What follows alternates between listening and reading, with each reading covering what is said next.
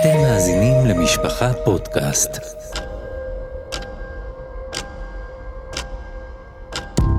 הפסקת אש, מאחורי הקלעים של המבצעים הצבאיים הגדולים בתולדות המדינה. עורך ומגיש, ישראל יוסקוביץ'. ניצן אלון הוא אלוף במילואים בצה"ל. כיהן כראש אגף המבצעים במטכ"ל, אלוף פיקוד המרכז, פרויקטור למאבק בגרעין האיראני, מפקד אוגדת איו"ש ומפקד סיירת מטכ"ל. אלון נולד וגדל במושב ניר בנים, והוא מתגורר גם כיום במושב. את שירותו הצבאי התחיל בסיירת מטכ"ל ומשם עלה והתקדם בדרגות הפיקוד. בסבב המינויים הקודם היה המועמד המוביל מטעם שר הביטחון להתמנות לרמטכ"ל, אולם בסוף מונה אביב כוכבי כמועמד פשרה עם ראש הממשלה שביקש למנות את האלוף אייל זמיר. ניצן אלון הוא האורח שלנו בהפסקת אש. ניצן, שלום. שלום וברכה. תראה, אני עברתי על קורות השירות הצבאי שלך, ואני ככה רק על קצה המזלג אזכיר מבצע הלם חמודות לחטיפת השייח' עובייד מביתו בדרום לבנון, ניסיון חילוצו של החייל החטוף נחשון וקסמן בביר נבאללה, מבצע חד וחלק, שבמהלכו פיקדת על 200 לוחמים מסיירת מטכ"ל, שפשטו על בתים ובתי חולים בבקעת הלבנון בתקופת מלחמת לבנון השנייה. אני קודם כל רוצה לשאול אותך, לפני שניכנס ונצלול באמת ככה לאירוע האחרון שהזכרנו, מבצע חד וחלק, מכל המבצעים, מה מכולם תפס אותך ומלווה אותך גם היום? יש לי הרבה זיכרונות, גם מהמבצעים שציינת, וגם עוד הרבה מבצעים מסווגים שעשיתי במסגרת שירותי בסיירת מטכ"ל, והם לא ניתנים לפרסום. ויש אה, חוויות חזקות, ואז יש מראות וקולות ותחושות שנשארות איתך לכל החיים ממבצעים כאלה. אבל אני זוכר טוב גם את ה... הזכרת את אה, מבצע לחטיפת שייח' עובד. אז אני זוכר משם שני אה, דברים. אחד, זה בזמן המבצע, את השניות והדקות שממש לפני הפריצה לחדר של השייח' בכפר בדרום לבנון. ואחר כך אה, אני גם זוכר את המפגש עם משפחת ארד, בסוף החטיפה הזאת נועדה להביא אינפורמציה או להביא לחילוצו של אה, רון ארד, הנווט שנפל אה, בלבנון אה, כמה שנים קודם. אני זוכר עוד אירועים, בוודאי אני זוכר את רגע הכניסה לחדר שבו נחשון וקסמן נורה ונהרג, ב... נרצח בביר נבאללה. איך קוראים לך? אני נחשון וקסמן, החבר'ה החמאס פה חטפו אותי, הם רוצים לשחרר את האסירים שלהם. אם לא, הם אה, יהרגו אותי. זהו, אני מבקש מכם אה, לעשות מה שאתם יכולים בשביל אה, שאני אצא מפה חי. מה אתה רוצה מאמא שלך? ההורים שלי מסתכלים עליי. אני כרגע בסדר. עכשיו אני מקווה לחזור אליכם אם רבין יחליט לשחרר את האסירים שלי.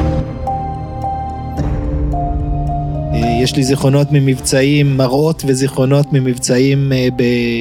בסוריה ובמקומות אה, אחרים, וזה חוויות שלוקחים לכל החיים. היינו לאחרונה יחד, חזרנו לאותה דירה בביר נבאללה. ראינו שם את הספה החרוכה שעדיין נותרה במקום, וכל מיני אה, דברים שנשארו מאותו אירוע. ואני רוצה לשאול אותך, עד כמה דבר כזה מצלק אותך ברמה האישית, כשאתה פורץ לחדר ומגלה שחייל שהיה חטוף ועבר עינויים בימים שקדמו, ופשוט נורה ונהרג מה התחושה, מה התחושה הזאת שהייתה לך אז, ומה התחושה שמלווה אותך היום? באותם רגעים זה עדיין בתוך הלהט של הקרב. האדרנלין פועם והרגע אה, ירו עליך, אה, כמעט נהרגתי שם ביותר מהזדמנות אחת, ובאמת זה אירועים שהלב דופק בעוצמה, ואתה עדיין בתוך המשימה והיא לא נגמרה. הדברים אחר כך קצת שוקעים ומשאירים, נותנים מקום לאיזה שהם אה, חוויות, אבל באותם רגעים של אה, העמידה מול הדלת הזאת בחדר אה, שבו היה נחשון וקסמן כלוא ואזוק על ידי חוטפיו, אז התחושה הראשונית הייתה איזו תחושה של אכזבה, של צער, של... גם נחשון נהרג תוך כדי ניסיון החילוץ, גם ניר פורז. שפרץ באומץ רב אה, לחלץ את אה, נחשון בראש הצוות שלו נהרג שם, והוא היה פקוד שלי והכרתי אותו מאוד מקרוב. כך שיש פה כל מיני רגשות מעורבים, אבל הם בדרך כלל עולים אחרי המבצע ולא ממש תוך כדי הפעילות המבצעית, שבה מרוכזים במבצע עצמו. עכשיו הקוראים והמאזינים שקראו את הכתבה, שעשינו בערב סוכות על נחשון וקסמן, השם ייקום דמו, הם לא יודעים, אנחנו ב... התאספנו, כשנפגשנו שם, הייתה לנו נקודת מפגש בפאתי הכפר. ושם הגיע, הפתיע אותנו, אחיו של נחשון וקסמן חזי, הגיע עם אחיו של עמנואל מורנו. שבעצם עמנואל מורנו גם היה פקוד שלך, הוא נהרג כמה ימים אחרי מבצע חד וחלק, אבל הוא השתתף באותו מבצע הירואי שאתה פיקדת עליו בעמק הלבנון. ושם באמת היה מפגש מאוד מרגש, שני אחים של שני פקודים שלך, שנפגשים יחד, אה, ובעצם, אתה יודע, חולקים גורל טרגי משותף. ספר לי קצת על, ה, על ההחלטה לצאת למבצע הזה, על הימים שקדמו, על המודיעין שאספתם ועל הרגע שבו פרצתם באמת ל, ליעד. אז בשביל לדבר על מבצע חד וחלק, צריך לדבר קצת על הרקע, זה מלחמת לבנון. מלחמת לבנון פרצה ב-12 ביולי, לאחר חטיפה גם, שחיזבאללה חטף שני uh, חיילי צה"ל, למעשה שתי גופות של חיילי צה"ל, שהוא uh, תקף במפתיע לאורך גבול הצפון. שלום לכם, יום של מלחמה בגבול הצפון. אנחנו ממשיכים בשידור הרציף ומעדכנים אתכם בעובדות שהולכות ומתבררות על מה שקורה שם בצפון מן השעה תשע בבוקר. בלב הפרשה כרגע שני חטופים ישראלים, שני חיילים... בצד הלבנוני כאמור, תותחים של צה"ל ממשיכים גם בשעה זו לראות לעבר אותם קשרים, לעבר אותם נתיבים שמהם או דרכם או מעליהם ינסה החיזבאללה להבריח את אותם שני חיילים חטופים צפונה אל תוך העומק אה, בשטח אה, לבנון. במקביל יש כמה שרפות שנגרמו כתוצאה במידה רבה צה"ל לא היה מוכן למלחמה בלבנון בעת הזאתי. וגם תהליך קבלת ההחלטות של הכניסה למלחמה לא היה תהליך החלטי וישר. אלא היה בהתחלה איזה שהם תגובות שהלכו והסלימו, אה, תקיפות מאוד מסיביות שחיל אוויר ביצע בתוך אה, לבנון, גם ההנהגה, הן ההנהגה הצבאית בראשות הרמטכ"ל אה, דני חלוץ והן ההנהגה המדינית בראשות ראש הממשלה אהוד אולמרט ושר הביטחון לא היו מאוד מנוסים וערוכים ל... להבין שמדובר פה בתחילתה של מלחמה, ועל החלטות התקבלו באופן הדרגתי אולי, ולא מספיק אה, נחוש בתחילת הדרך. לקח זמן עד שגייסו כוחות מילואים, ולקח זמן עד שהחליטו להיכנס באופן קרקעי פנימה, ותוך כדי זה נורתה אש אה, לעורף מדינת ישראל, כולל אה, לחיפה שבה נהרגו אנשים ונהרסו מבנים, ולמקומות אחרים בארץ. בפירוש אה, גם המבצעים המיוחדים לא היו מוכנים כתוכניות אופרטיביות מוכנות מראש, סדורות, שניתן להפעיל אותם בהתראה קצרה.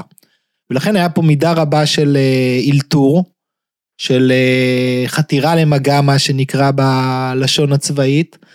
אני בכלל באותה תקופה הייתי בתפקיד אחר לגמרי, הייתי מח"ט ביהודה ושומרון, מח"ט של חטיבת עציון באזור בית לחם, גוש עציון. ולמעשה לא הייתי אמור להיות בכלל מעורב במלחמה בצפון, אלא להמשיך לעשות את אה, תפקידי בשטחים. יחד עם זאת, הבנתי שפה מרכז הכובד והעשייה של צה"ל עכשיו נמצאת במקום אחר, לא ביהודה ושומרון. שם היינו עסוקים יום-יום בלחימה בטרור, במניעת פיגועים, אבל הבנתי שכרגע קורה אירוע דרמטי בצפון הארץ, ו... הלכתי לראות מה אני יכול לתרום בעצם ולעשות אה, בלחימה בצפון. למעשה ראיתי את זה כמו עכשיו מין תוך כדי שירות צבאי כמפקד חטיבה ביהודה ושומרון, נגיד אני עכשיו עושה כמה שבועות של מילואים בגזרת הצפון. ובהתחלה באמת התחברתי לכוחות של אה, סיירת מטכ"ל, שככה התחילו לעשות איזה שהם תכנונים מבצעיים, לנסות להבין מה חסר לכוחות צה"ל, איפה אפשר להביא מודיעין רלוונטי שהיה מאוד חסר. ואחרי כמה זמן, בשבת אה, השנייה, אני חושב, של מלחמת לבנון, התקשר אליי אליעזר שקדי, שהיה מפקד חיל האוויר. הכרנו טוב אה, מתקופות קודמות, שבה הוא היה בתפקידים בכירים בחיל האוויר, ואני הייתי מפקד סיירת מטכ"ל. והוא ביקש ממני אה, לבוא ולבחון מבצע שככה מתלבטים לגביו במטכ"ל באותה עת. אה, מיניתי את הסגן שלי בחטיבת עציון כמפקד החטיבה, והזמנתי עוד אה, איש מילואים שיבוא לסייע, כי בסוף יש אחריות גזרתית, וגם באזור בית לחם נמשכה לחימה בטרור. ונסעתי אה, מיד למפקדה בתל אביב ולמפקדת הכוחות המיוחדים. התחלתי להסתכל על החומרים המודיעיניים, על התוכניות החלקיות שהתחילו להתגבש, וגיבשתי תוכנית פעולה. זה כלל מהלכים משמעותיים של איסוף מודיעין מקדים, זה כלל כדי להבין בכלל מה קורה. מדובר על אזור שנמצא בערך 100 קילומטר צפונית לגבול מדינת ישראל, בבקעת הלבנון שנמצאת באזור צפון לבנון, צפון מזרח לבנון, אזור העיירה בעלבק, שזה עיר אה, מרכזית שיש בה מעוז של, אה, גדול של חיזבאללה.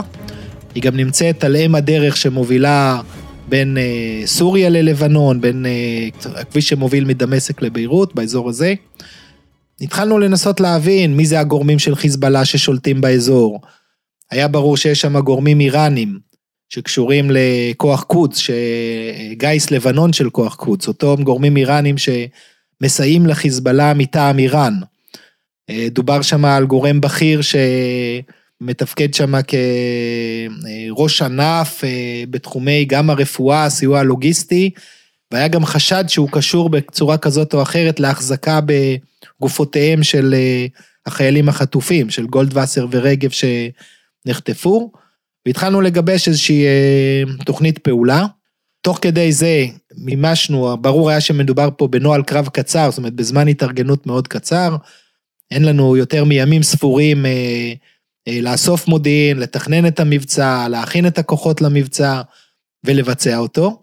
לזכותו של אליעזר שקדי, מפקד חיל האוויר, ייאמר שהוא אה, נתן לי חופש פעולה מלא וגם את כל האמצעים שביקשתי לטובת העניין הזה, וגם אה, אה, באגף המודיעין נרתמו למבצע, והכל קורה תוך כדי לחימה מאוד אינטנסיבית של שאר צה"ל, בחזית, בתקיפות אוויריות ברחבי לבנון ודברים אחרים.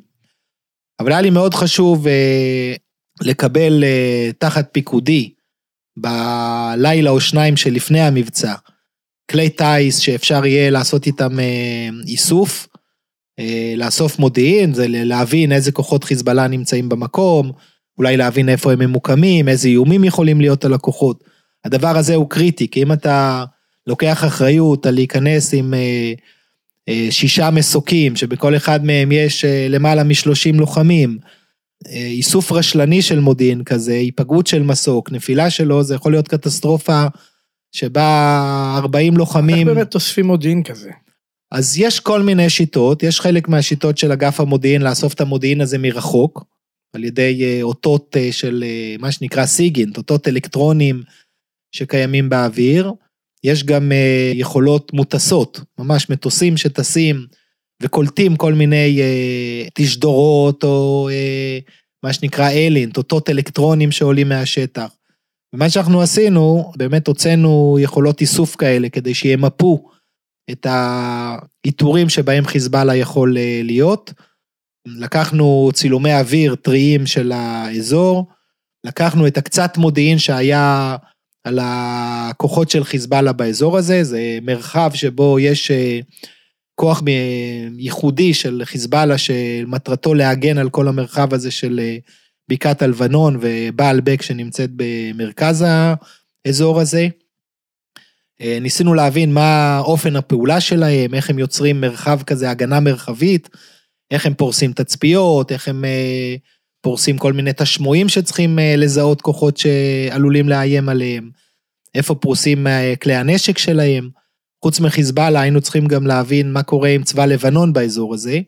כי למרות שצבא לבנון הוא לא נתפס בעינינו כאויב רציני, בסוף שיש כוח אה, רגלי, כוח של אה, חיל רגלים כזה, של לוחמים רגליים בשטח, אם הם נתקלים בכוח של אה, נגמשים, עם אה, מקלעים כבדים ודברים כאלה, זה בהחלט יכול להוות איום.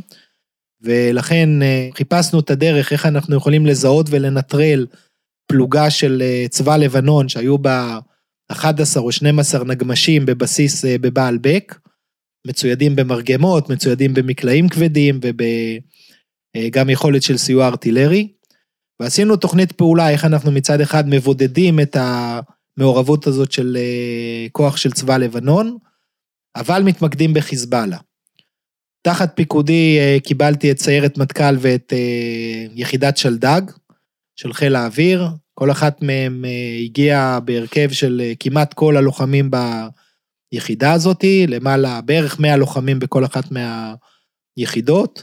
את שתי היחידות האלה הכרתי טוב, על סיירת מטכ"ל פיקדתי והייתי בה קרוב ל-17 שנים, כך שהכרתי בצורה מאוד קרובה ואינטימית את המפקדים, את הלוחמים, את דרך הפעולה, את היכולות, את השפה המשותפת. את שלדג גם הכרתי גם ממבצעים ביהודה ושומרון וגם מפעולות אה, קודמות, אבל החלטתי שאני אצטרף אה, בפועל לכוח של, אה, של שלדג, כדי להיות קרוב שם ללוחמים שאותם אני קצת פחות מכיר, ועל היחידה יותר שמחתי שהיא תסתדר. קבענו, אה, בגלל נוהל קרב קצר וחוסר יכולת להגיע לשפה משותפת מאוד קרובה, וגם יש אמצעים שונים, ביחידת שלדג שהיא של חיל האוויר, וביחידת, אה, בסיירת מטכ"ל שהיא שייכת לאמ"ן, אז לא רצינו שהם יעבדו ממש בצורה מעורבבת אחת מהשנייה, אלא לכל אחת מהיחידות האלה תכננו יעדים שונים. השלמנו את איסוף המודיעין, עשינו את כל התיאומים שנדרשים מול חיל אוויר, על איזה מסוקים נטוס לשם, איך להבטיח שהנתיבים האוויריים אה, יהיו פחות מאוימים. בסופו של דבר החלטנו על אה, פעולה שהיא נקראת אה, פשיטה מוסקת רגלית.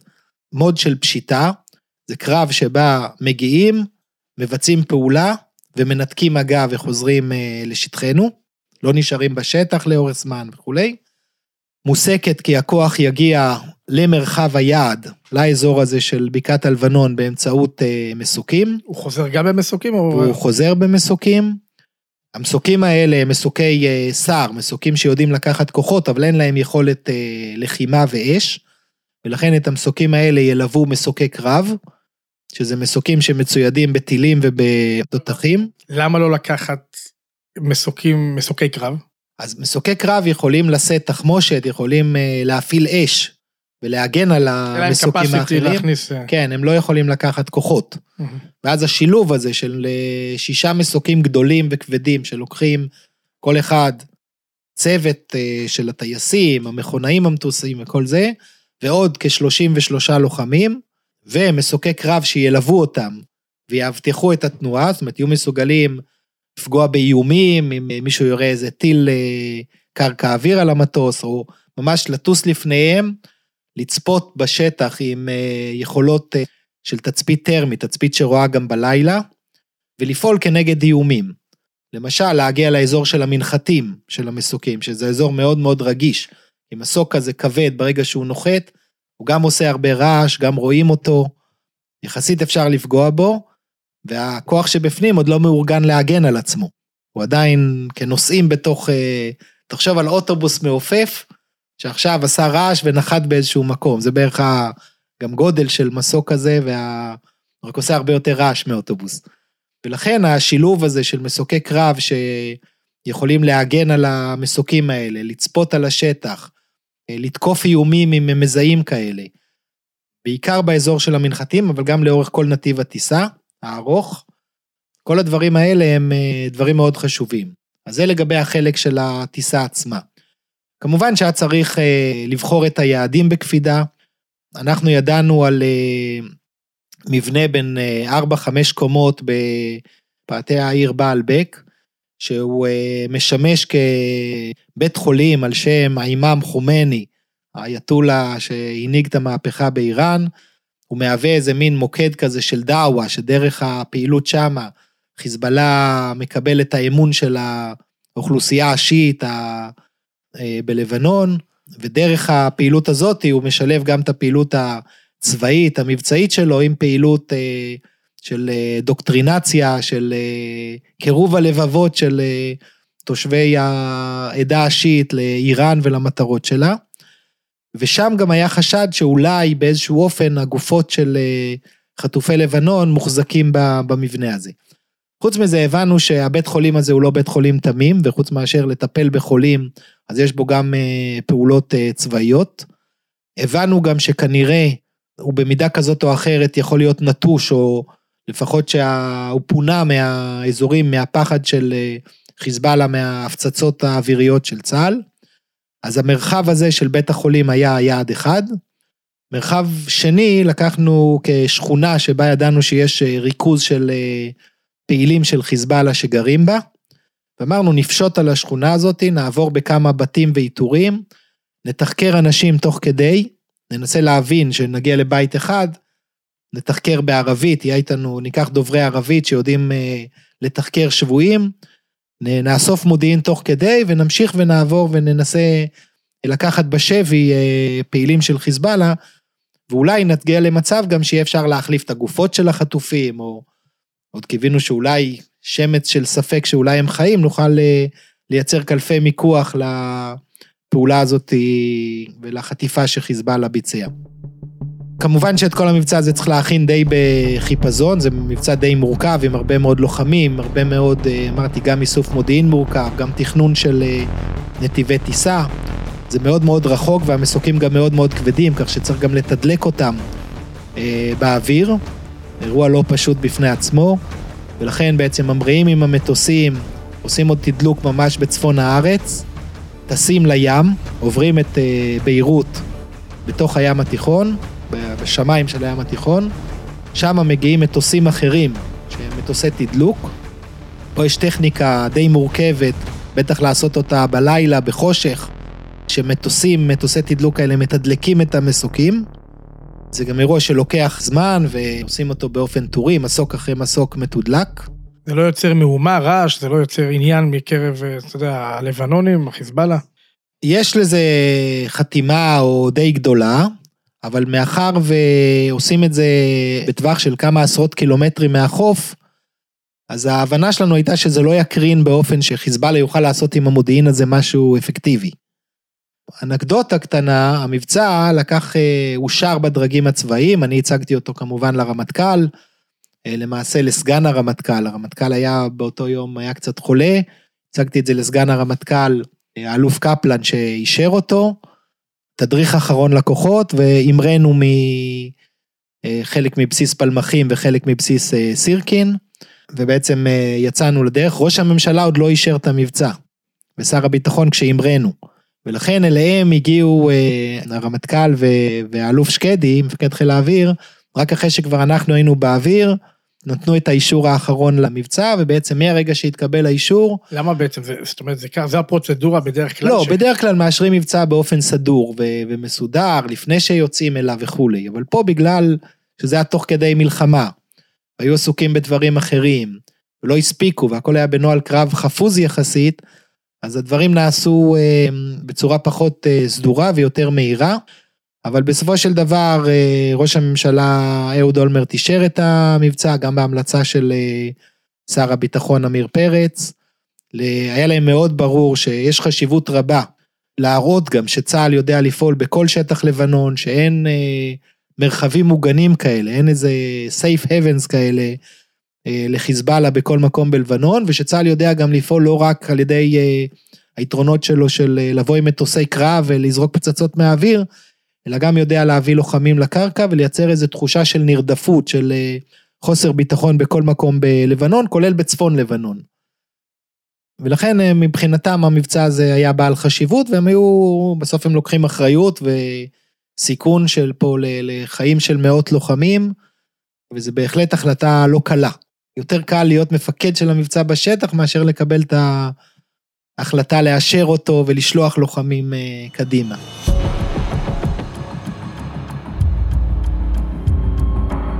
בכל אופן, אה, אנחנו בליל אה, המבצע הזה ממריאים עם כל הכוח הזה, נוחתים בשני אזורים, כוח אחד של סיירת מטכ"ל עם שלושה מסוקי אסור כאלה, נוחת במרחק די קצר מה...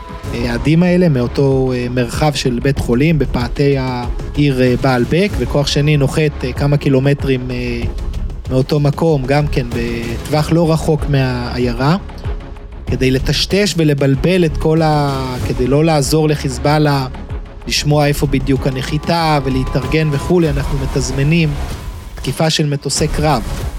גם עשר דקות לפני הנחיתה של המסוקים וגם ממש סמוך אליהם. פשוט תוקפים עוד איתורים שאספנו במודיעין שיכול להיות שם חיזבאללה. ארבע, שלוש, שתיים, אחד, קפץ. זה גם יוצר איזושהי הגנה על הכוח, כי זה עושה רעש והסחה לפעולה הרגישה הזאת של נחיתת המסוקים. וגם אם, אם קיימים איומים, למשל, אה, היה לנו אה, מודיעין חלקי על אפשרות שיש במקום מסוים תצפית ועמדות של מרגמות. בסדר? תצפית כזאת ועמדה של מרגמה זה יכול להיות הרי אסון לכוח שרק הרגע נחת והוא עוד לא מפוזר. מספיק שמישהו רואה אותו, בתצפית פשוטה מקילומטר או שניים, ויורה פצצות של מרגמה, שזה יכול לעשות שמות בכוח כזה, ולכן היה חשוב לתזמן את הנחיתה ואת התורפה הזאת שיש לכוח שהוא רק נוחת, עם תקיפה מאוד מסיבית, גם של המטוסי קרב וגם על איתורים נקודתיים כאלה, שמהם עלול, עלולה להתפתח איזה רעה על הכוח. בסך הכל החלק הזה עבר בשלום, התזמונים היו מאוד טובים. אני הייתי כל הזמן בקשר מהשטח למפקדה בבור של חיל אוויר בתל אביב. אליעזר שקדי, מפקד חיל האוויר, פיקד באופן אישי על המבצע הזה מהחפ"ק הזה בקריה, קריה בתל אביב, בסיס המטכ"ל בתל אביב. האלוף טל רוסו, שהיה עוזר ראש אמ"ץ לענייני מבצעים מיוחדים, והיה מחובר יותר לכוחות הקרקעיים, היה שם גם, ודיברנו uh, בקשר. קיבלנו בסך הכל uh, אמצעים מסייעים רבים, גם מטוסים ללא טייס. בסך הכל, אני אומר, הכוח שעמד לרשותי כלל שתי יחידות uh, של סיירות מובחרות, סיירת מטכ"ל ושלדג, כלל רביעייה של מטוסי קרב, זו עוצמת אש מאוד מאוד חזקה. כל אחד כזה יש לו uh, כמה טילים ויש לו תותח עם uh, כמה אלפי uh, פגזים. אה, זו עוצמת אש מאוד גדולה, סיוע אווירי של אותם מטוסי קרב שאפשר בתזמון מסוים אה, להפעיל אותם לפני הפעולה ובסיום הפעולה. קיבלנו אה, מטוסים ללא טייס, שיכלו גם לעשות תצפית על העיירה ועל הכוחות של חיזבאללה שעלולים לאיים על הכוח, וגם חלק מהמטוסים האלה, היום כבר מותר לפרסם, הם בעלי יכולת תקיפה. ואתם יודעים, חוץ מאשר לראות מהשמיים כלפי הקרקע, אלא גם להפיל פצצות שיכולות לפגוע ברכב או באנשים, ובסך הכל זה כוח אה, מאוד מאוד עוצמתי. ממש לא חששנו שחיזבאללה ידע להתמודד איתנו ביחסי כוחות האלה כשאנחנו בעלי היוזמה ואנחנו מפתיעים וכולי, שכמובן צריך לתת פה את המענה לאותן נקודות תורפה שציינתי, כמו הנחיתה, כמו התנועה של הכוח מאזור שהוא נוחת אליו, איך שהוא הולך ליעד והוא עדיין לא מאורגן, אבל בסך הכל התוכנית עבדה כמו שתכננו אותה במידה רבה. אני נעתי עם הכוח של אה, שלדג, הגענו ממש לאיזה גבעה, ממש בפאתי. סליחה שאני עוצר אותך, אבל כשאתה יוצא למבצע כזה, שזה מבצע שהוא די, אתה יודע, מורכב, ואתה לא יודע איך תחזור ממנו, אתה לא יודע מה, אה, אם כל הצוות שאיתו אתה יוצא יחזור אה, בשלמותו. אתה מספר על זה בבית, אתה, זאת אומרת, אתה מעדכן, או שאתה, זה עוד, עוד מבצע, עוד יום בעבודה. לא, זה לא עוד יום בעבודה, אבל תזכור שזה בתוך מלחמה. בתוך מלחמה כולם לוקחים יותר סיכון. לאשתי ולילדים שלי היה ברור שאני עכשיו אה, מוחה זכרה מליבי ומתמקד ב... יוצא למלחמה. הייתי גם, אה, לפני זה הייתי עסוק במבצעים אחרים, וגם אחרי זה, כך שכל השבועות האלה של המלחמה לא התפניתי לבית. אני מניח שאשתי הבינה שאני ב... פעילות מבצעית, היא גם הייתה רגילה לזה מעבר היותר רחוק. בניגוד עוד פעם למבצעים חשאיים, שאותם מכינים לאורך זמן, ויש שם נוהלי קרב ארוכים, לפעמים של שבועות וחודשים, פה הכל מאוד מאוד אה, מהיר ו...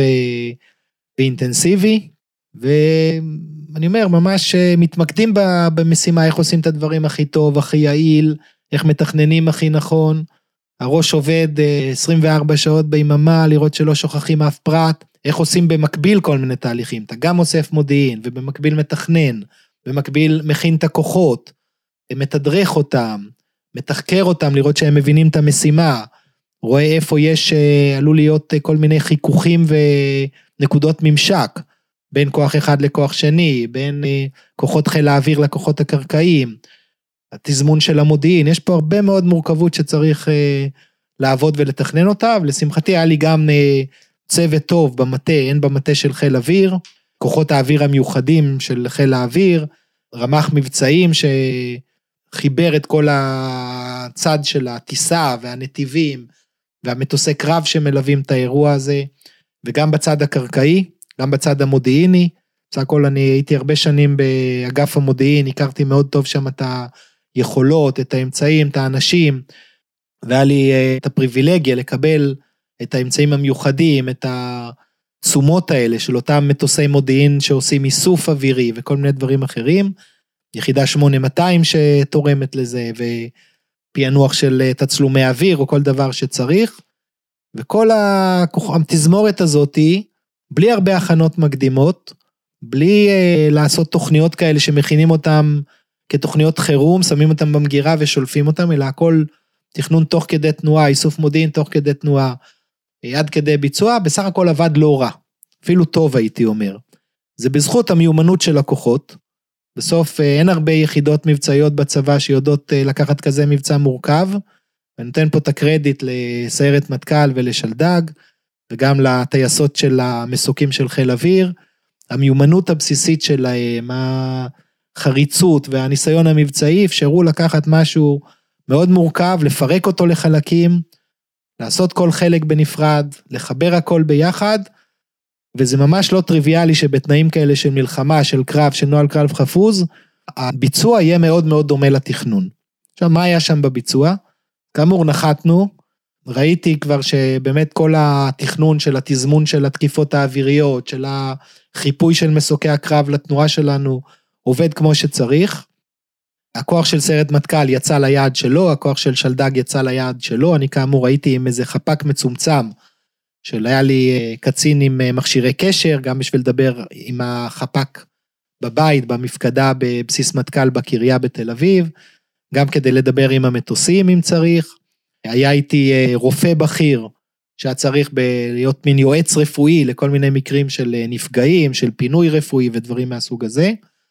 היה איתי אה, קצין בכיר מחיל אוויר שהיה יכול לעשות את כל הקשר עם המטוסים, כולל עם מטוסי הקרב בזמן אמת, וקשר שסחב עוד מכשירי קשר ואבטחה וכל זה. אני נעתי עם החפ"ק של מפקד יחידת שלדג, הגענו לאיזה גבעה שרואים ממנה גם את אזורי הפעולה, גם של סיירת מטכ"ל, שהיה שני קילומטר בערך מהנקודה שלנו, וגם את השנה שאליה נכנסו הכוחות של אה, יחידת שלדג. אה, אזור מאוד נוח מבחינת פיקוד ושליטה, אתה גם רואה את האזור, אתה גם אה, שומע טוב את הקשר. היה בסך הכל, הקשר עבד מצוין, כולל קשר 100 קילומטר מהגבול, ועוד עד להגיע לתל אביב. היה לנו מטוס ממסר שבעצם קלט את התשדורת הזאת וממסר אותה הביתה, כך שבסך הכל אי אפשר היה לצפות לתוצאה יותר טובה מבחינת זה שכל ההיבטים הטכניים, המורכבות של הקשר, של המודיעין, של התזמון האווירי. זה גם היה תקופת קיץ, אז היה פחות קיץ. מזג אוויר מורכב מבחינת ה... כן, אבל אני חושב שזה היה עובד גם אם היה לא, אתה חורף. יודע, לפעמים כמו- ערפל, כן, אתה כן, יודע, כמובן שבתנאים של אה, סערה. עננות, סערה, זה מקשה על טיסה, זה מקשה על הרבה מאוד דברים אחרים. בכל אופן, הרעיון היה לתזמן את הפשיטה הזאתי. במידה מסוימת היה פה איזה תחבולה של, אה, שאנחנו קוראים לה בצבא לפעמים אה, גירוי ותגובה. אנחנו נייצר אה, רעש קצת, כן? הם ישמעו את המסוקים, הם ישמעו אותם זה, הם יחפשו מי בא לתקוף אותם, ואז אנחנו נדע לעשות להם מעין מערב כזה. ובזמן שהם באים לתקוף אותנו, אנחנו נזהה אותם קודם ונתקוף אותם. ובאמת במידה רבה כך היה.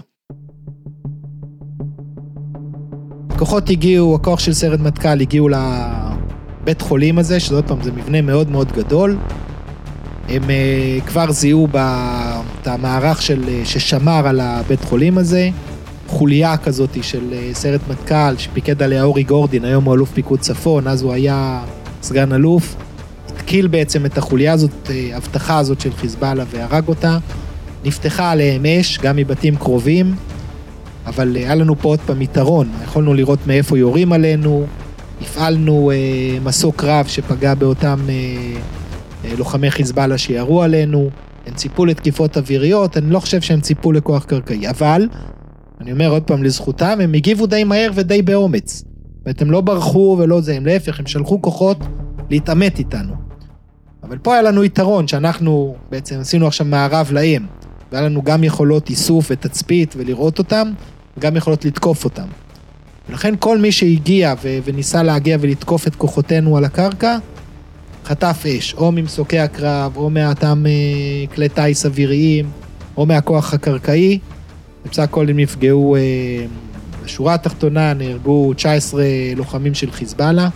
ככל הידוע לנו, לא פגענו שם באזרחים אה, תמימים, אה, חפים מפשע או לא מעורבים בלחימה, שזה גם הישג בתנאי קרב כאלה. הכוח של אה, שלדג עבר בכמה בתים בתוך השכונה הזאתי, אסף קצת אה, כלי נשק ודברים מהסוג הזה, אסף כמה אה, פעילים, אף אחד מהם לא היה מספיק חשוב שהוא יהווה קלף מיקוח בזה, והם באמת אה, אחרי כמה שבועות ובחקירות בארץ הוחזרו ללבנון. בתוך הבית חולים, שכאמור לא היה כל כך תמים, מצאנו שם בתוך חדרים של חולים, מצאנו כמה כלי נשק וקלצ'ניקובים ודברים שמעידים על פעילות צבאית לא תמימה. לצערי לא מצאנו שום סימן לרגב וגולדווסר החטופים או לגופות שלהם, אבל בסך הכל השפעה תודעתית של לגרום לחיזבאללה להרגיש לא בטוח בעורף שלו, ב-100 קילומטר מאזורי הלחימה, ההישג הזה הושג, זה הצריך אותו לתגבר, כלקחים מהמלחמה הזאת חיזבאללה הדיח את מפקד המרחב באזור אה, בקעת הלבנון, אז נוצר פה איזשהו אפקט אה, משמעותי. לצערי זה לא אה, היה מספיק אה, פעולה בעלת ערך מספיק גבוה להשפיע על המלחמה בזמן אמת. כן, אבל זה שוב, זה בדיוק מביא אותי לשאלה, שאתה יודע, גם בעת מבצע שומר חומות, צה"ל יצא למתקפה נגד, אתה יודע, ממש מבצע שעמלו עליו הרבה, הרבה זמן, נראה לי מכת ברק קראו למבצע, בכדי להקריס את המנהרות על יושביהם.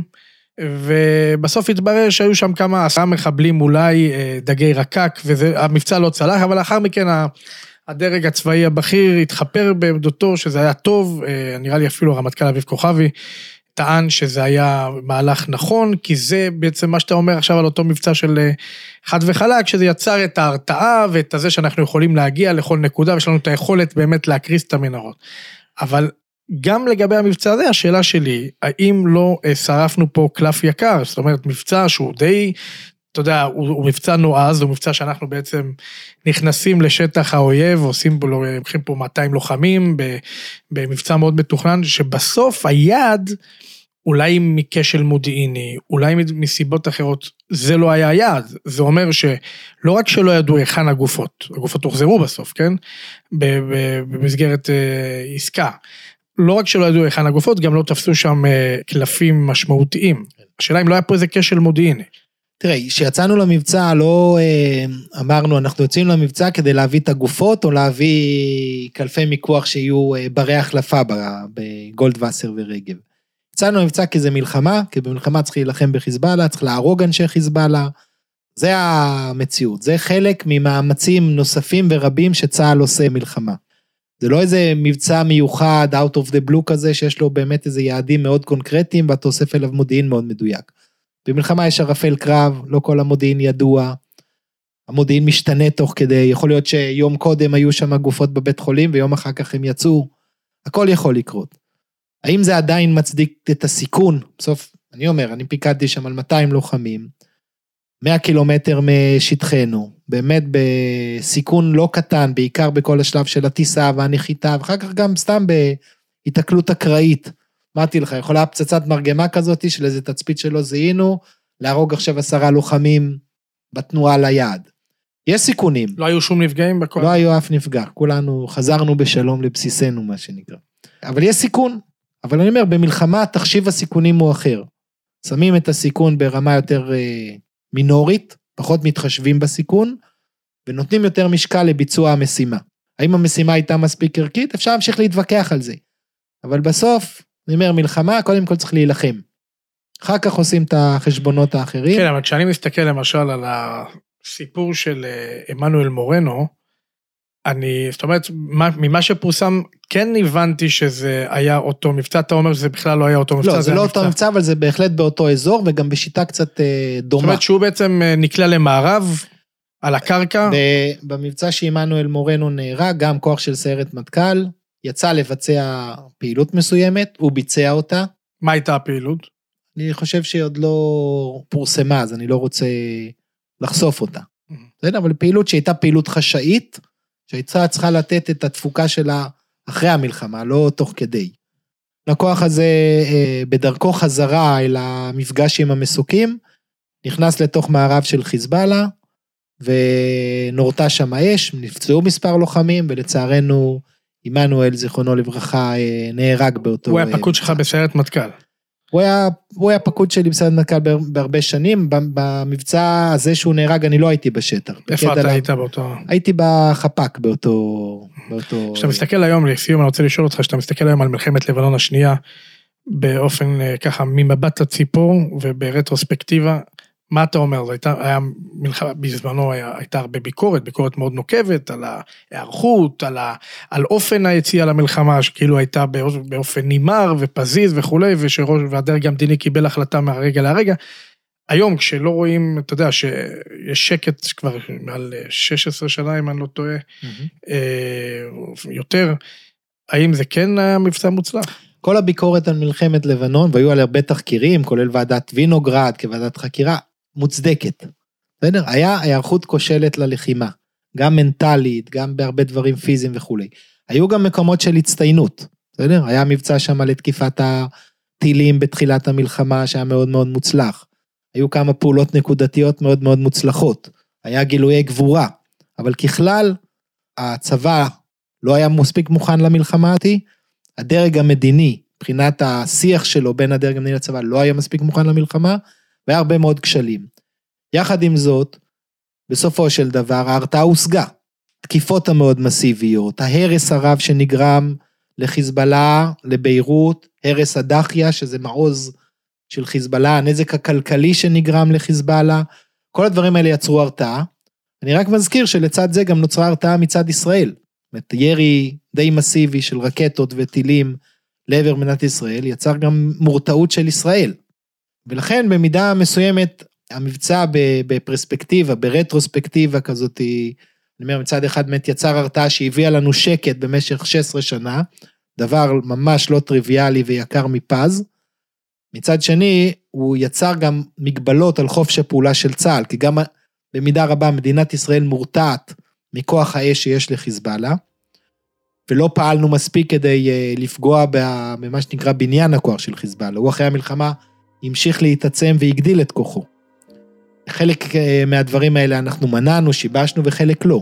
כך שהמאזן פה הוא מעורב, אני לא יכול להגיד שזה, אבל אין מה לדבר, הרתעה הושגה, חיזבאללה זוכר טוב, ואין, אה, אפשר להביא דברים בשם אומרם, אז אה, חסן נסראללה אמר, אפילו אם הייתי יודע באחוז אחד שחטיפת אה, גולדווסר ורגב, חטיפת החיילים בלבנון, תביא למלחמה הזאת, לא הייתי מוציא את הפעולה. וזה אומר כאלף עדים שנוצרה פה הרתעה במלחמה הזאת. ניצן אלון, תודה רבה לך. תודה לכם.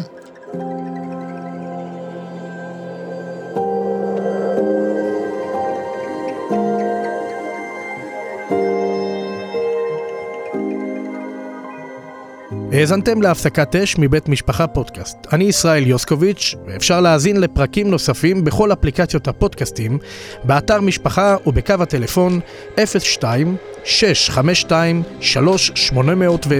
שלוחה 24.